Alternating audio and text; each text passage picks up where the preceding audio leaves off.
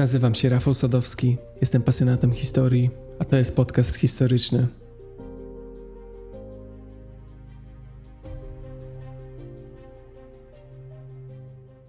Niespełna 25 lat temu, w 1994 roku, gdy w Polsce od 4 lat raczkował jeszcze kapitalizm, na południu Afryki doszło do zagłady ludności na skalę tak wielką, że w ciągu trzech miesięcy populacja Ruandy zmniejszyła się o jedną piątą. To tak jakby na przestrzeni 90 kilku dni na terenie Polski ktoś wybił do zera całą populację województw mazowieckiego i pomorskiego łącznie. Taka skala potworności zdarzyła się w Ruandzie. Zginęło od 800 tysięcy nawet do miliona ludzi. Liczebność Tutsi, jednego z dwóch głównych plemion Ruandy, zmniejszyła się o 70%.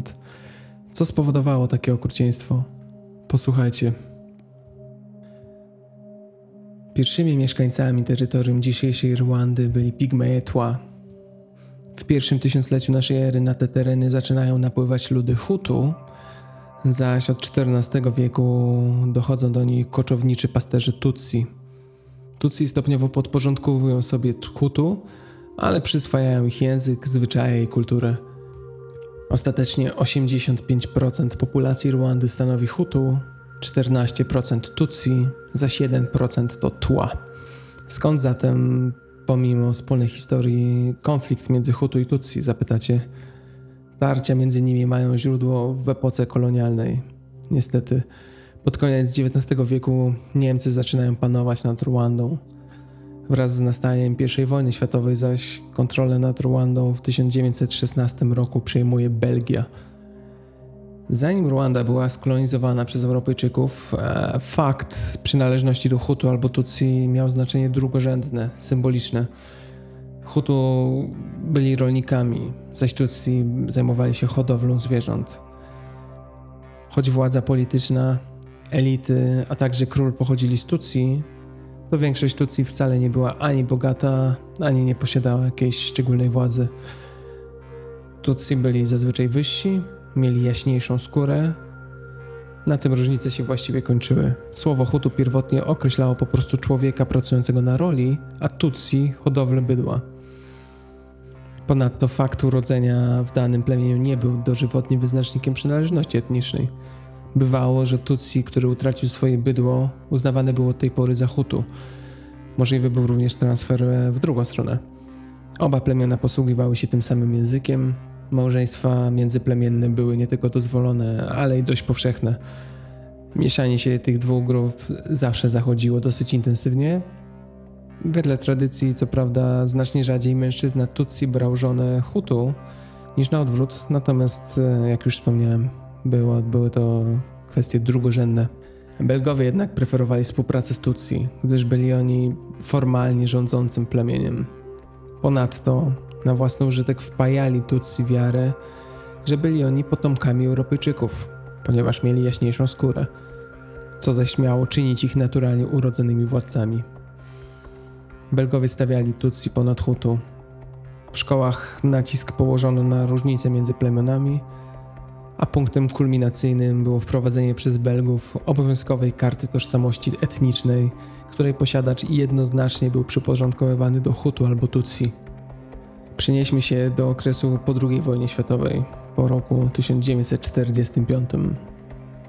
Następuje koniec czasów kolonialnych. Rwanda bierze udział w fali niepodległościowej, która przetacza się w tym czasie przez Afrykę wraz z upadkiem mocarstw kolonialnych, takich jak Belgia i Niemcy właśnie. Belgia przyznaje Rwandzie autonomię w 1959 roku i natychmiast wybucha wojna domowa o władzę. Kilka tysięcy Tutsi, którzy bali się o swoje życie, ucieka z kraju. W 1961 roku, dwa lata po przyznaniu autonomii, e, ONZ narzuca Rwandzie referendum i zostaje zniesiona monarchia. W wyniku wyborów prezydentem państwa zostaje Georgi Kaibanda z Hutu, który otrzymał reelekcję jeszcze dwukrotnie.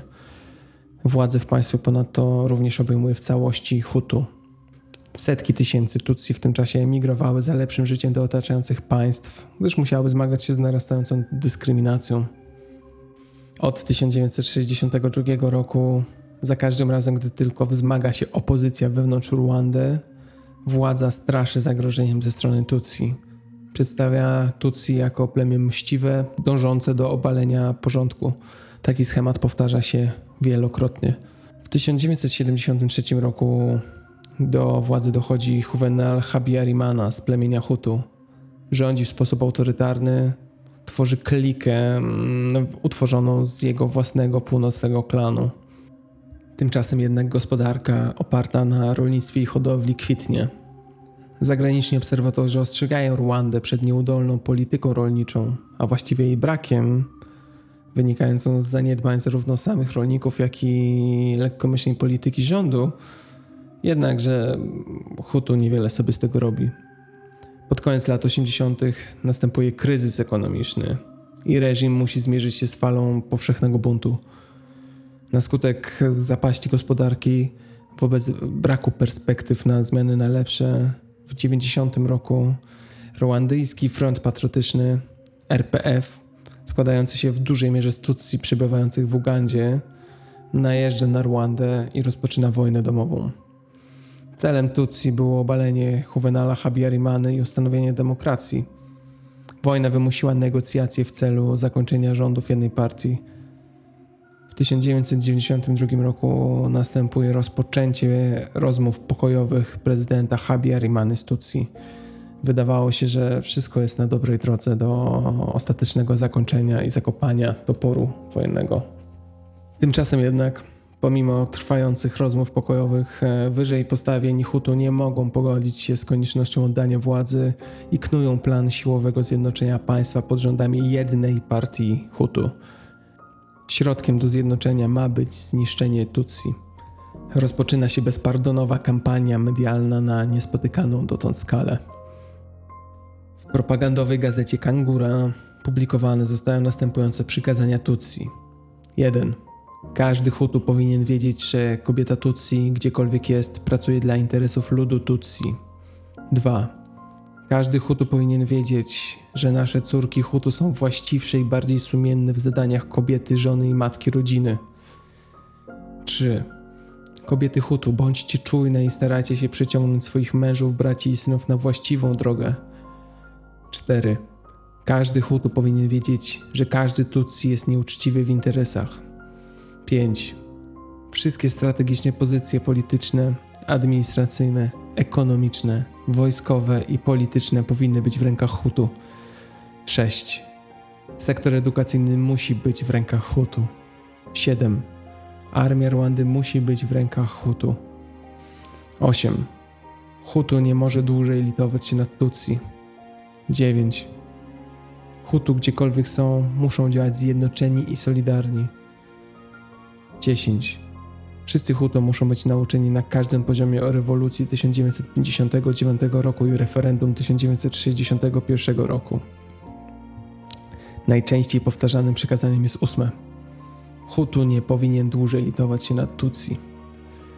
Powołano ponadto bojówki nazwane Interhamwe, walczący razem i Impuza Mugambi, mający wspólny cel – były to oddziały, które składały się głównie z młodzieży, w znacznym stopniu przestępców oskarżonych o rozmaite zbrodnie, od kradzieży po morderstwa. Te wszystkie działania Hutu nie zdołały zapobiec osiągnięciu porozumienia pokojowego między prezydentem a Tutsi w 1993 roku. Krótko po porozumieniu pokojowym radykalne grupy Hutu zaczynają więc gromadzenie na dużą skalę broni i szkolenia wojskowe. Do kraju zostaje sprowadzonych 500 tysięcy maczet, po jednej na trzy dorosłe osoby. Równowagę ostatecznie burzy zdarzenie z początku kwietnia 1994 roku. 6 kwietnia 1994 roku samolot odrzutowy Dassault Falcon 50 wiozący rwandyjskiego prezydenta Juvenala Habyarimana oraz Cypriana Niteremirę, prezydenta Burundi, zostaje zestrzelony w Kigali, stolicy Rwandy, podczas podchodzenia do lądowania. Maszyna została trafiona dwukrotnie pociskiem z ręcznej, ciepłoczułej wyrzutni rakiet Strieła radzieckiej konstrukcji, a wrak spada do ogrodu Pałacu Prezydenckiego, gdzie znajduje się zresztą do dzisiaj. Nikt nie przeżył katastrofy. Obaj politycy byli z pochodzenia Hutu, dlatego winę za zamach natychmiast zrzucono na Tutsi. Mimo, że nie było jakichkolwiek dowodów na to, że faktycznie Tutsi ponosi sprawstwo za zamach, to rozpętała się masakra. Premier Agat Uwiligmana w myśl konstytucji została automatycznie głową państwa rankiem 7 kwietnia, czyli dzień po katastrofie. Pani premier, jej mąż i dziesięcioro chroniących ich żołnierzy belgijskich zostało brutalnie zamordowanych przez wierną fundamentalistom gwardię prezydencką. Ciało pani premier jest brutalnie bezczeszczone przez dokonujących mordu mężczyzn. Rozpoczyna się horror. Bojówki Hutu rozpoczynają łapanie i mordowanie każdego napotkanego Tutsi. Dowody osobiste, jak pamiętacie, zawierały od czasów kolonialnych informacje o przynależności plemiennej. E, z ich pomocą identyfikowano także umiarkowanych Hutu przeznaczonych do rzezi zgodnie z ustaloną listą. Hutu chwytają za maczety, nabijane gwoździami maczugi i włócznie. Bojówki rozdają skrzynki z alkoholem, aby zachęcić mężczyzn do walki. W pierwszym okresie ginie wiele znaczących osobistości z plemienia Tutsi oraz umiarkowanych polityków z ludu Hutu. Nazwiska oraz adresy osób wytypowanych do likwidacji opublikowano na powszechnie dostępnych listach. Zagraniczni obserwatorzy są natychmiast ewakuowani ze stolicy, a ambasady są zamykane. Wycofano także belgijskich żołnierzy. Narodowe radio nieustannie nawołuje do pozostawania w domach, podczas gdy stacja RTLM propagandowa podżega do dalszych ataków. Jednym z komunikatów powtarzanych w radiowy eter było: W grobach ciągle są jeszcze miejsca. Musimy dokończyć nasze dzieło. Drogi w Kigali i w całym kraju zostają zamknięte przez setki blokad. Rzeź szybko rozprzestrzenia się na całą Ruandę. Zwykli obywatele są nawoływani do mordowania sąsiadów oraz tych, którzy odmawiają brania udziału w morderstwach. Większość ofiar ginie w miejscu zamieszkania od maczet używanych przez bojówki. Ponadto palono domy pełne ludzi, gwałcono i zabijano kobiety i dziewczynki, rozbijano noworodki o ścianę, rozcinano brzuchy ciężarnych kobiet, zabijano dzieci na oczach matek, żony przed mężami, obcinano kończyny. Wielu masakr dokonano w kościołach, w tym również e, w polskim kościele Giocondo 9 kwietnia 1994 roku. Wrzucano granaty do pomieszczeń pełnych ludzi, ścinano głowy. Na obszarach wiejskich, gdzie Tutsi i Hutu mieszkali obok siebie, a rodziny znały się nawzajem, Hutu łatwo było zidentyfikować i zaatakować swoich sąsiadów z Tutsi. Na obszarach miejskich jednak, gdzie mieszkańcy byli bardziej anonimowi, ułatwiono identyfikację dzięki blokadom drogowym obsługiwanym przez wojsko i Interhamwe. Każda osoba przechodząca przez blokadę drogi była zobowiązana do okazania krajowego dowodu tożsamości, a każdy z kartą Tutsi był natychmiast zabijany. Interhamwe wykorzystywali gwałt jako narzędzie do podziału populacji i drastycznego wyczerpania przeciwnika. Propaganda Hutu ukazywała kobiety Tutsi jako uwodzicielską, seksualnie zdradziecką piątą kolumnę. Napaści na kobiety Tutsi cechowały się wyjątkową brutalnością, a także współudziałem kobiet Hutu w tych atakach. Zachowała się relacja kobiety o imieniu Maria Louise Numingiboro, która opowiedziała, jak to gwałcono ją pięć razy dziennie, zaś pomiędzy gwałtami zmuszana była do uprawy ziemi. Wielu ocalałych było zarażanych wirusem HIV. Podczas konfliktu ekstremiści z Hutu wypuścili setki pacjentów cierpiących na AIDS ze szpitali i uformowali ich w coś, co możemy nazwać oddziałami gwałtu. Intencją było zarażanie i powolna, nieubłagana śmierć przyszłych ofiar gwałtu. Kobiety Tutsi były również celem z zamiarem zniszczenia ich zdolności reprodukcyjnych. Okaleczenie seksualne zdarzało się czasem po gwałcie i obejmowało okaleczenie pochwy maczetami, nożami, zaostrzonymi pałeczkami, wrzącą wodą, również kwasem. Mężczyźni również padali ofiarami przemocy seksualnej, w tym również publicznego okaleczania narządów płciowych. Ocenia się, że w czasie ludobójstwa zgwałcono do pół miliona kobiet. Całkowita liczba zabitych zaś to od 800 tysięcy do miliona 71 tysięcy. Niemal natychmiast po rozpoczęciu masakry Rwandyjski Front Patriotyczny rozpoczyna działania wojenne Jego przywódca Paul Kagame, późniejszy prezydent Rwandy, wzywa Tutsi do wkroczenia do Rwandy i związania walką bojówek Hutu. Rozpoczął to nowe walki, które ostatecznie doprowadziły w lipcu 1994 roku do zniszczenia sił Hutu i obalenia dotychczasowego, tymczasowego rządu Hutu. Blisko 2 miliony Hutu, obawiając się odwetu, ucieka przez granice do sąsiednich krajów. Nowe władze Rwandy najpierw pozbyły się niewygodnych świadków w postaci przedstawicieli zagranicznych, dziennikarzy, a następnie przystępują do krwawego odwetu, który pociąga za sobą kolejne tysiące ofiar. W 1996 roku siły rwandyjskie atakują obozy uchodźców w sąsiednich krajach, zwłaszcza na terytorium Zairu, aktualnie Demokratycznej Republiki Kongo, i zmuszają uchodźców do powrotu do Rwandy. Uchodźcy są mordowani już na granicy. Czasem również trafiają do nieprawdopodobnie przepełnionych więzień, w których są tak stłoczeni, że umierają na stojąco. Zapytacie, gdzie był świat, gdy mordowano tysiące ludzi? Do dziś wypomina się ONZ bierność wobec masakry. Oddziały pokojowe ONZ stacjonowały w Rwandzie, gdy rozpoczynała się rzeź. Pomimo tego, niedawna klęska sił ONZ w Somalii sprawiła, że nie chciano ponownie angażować się w wewnętrzne konflikty w Afryce.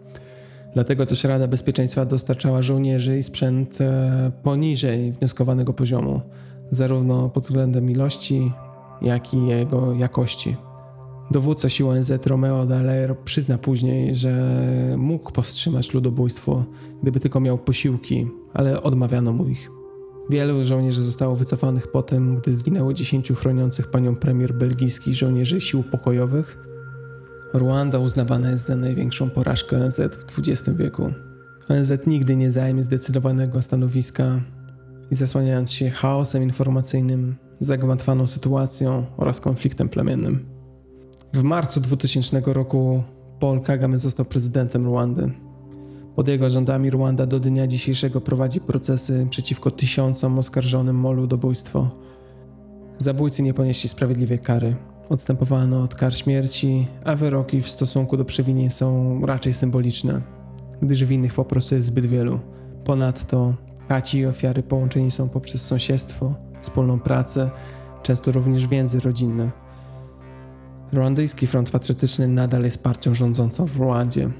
Rząd promuje ideę jedności Rwandyjczyków i prowadzi politykę zapomnienia o podziałach etnicznych.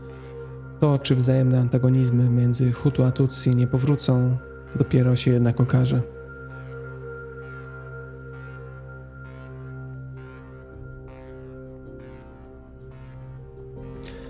Dziękuję Wam za uwagę. Zapraszam do słuchania tego podcastu na Spotify i na innych aplikacjach dedykowanych do słuchania podcastów. Jeśli Wam się podobało, będę bardzo wdzięczny za ocenę na iTunes. Podcast posiada również swój fanpage, do którego lajkowania serdecznie zapraszam. Do usłyszenia już niebawem.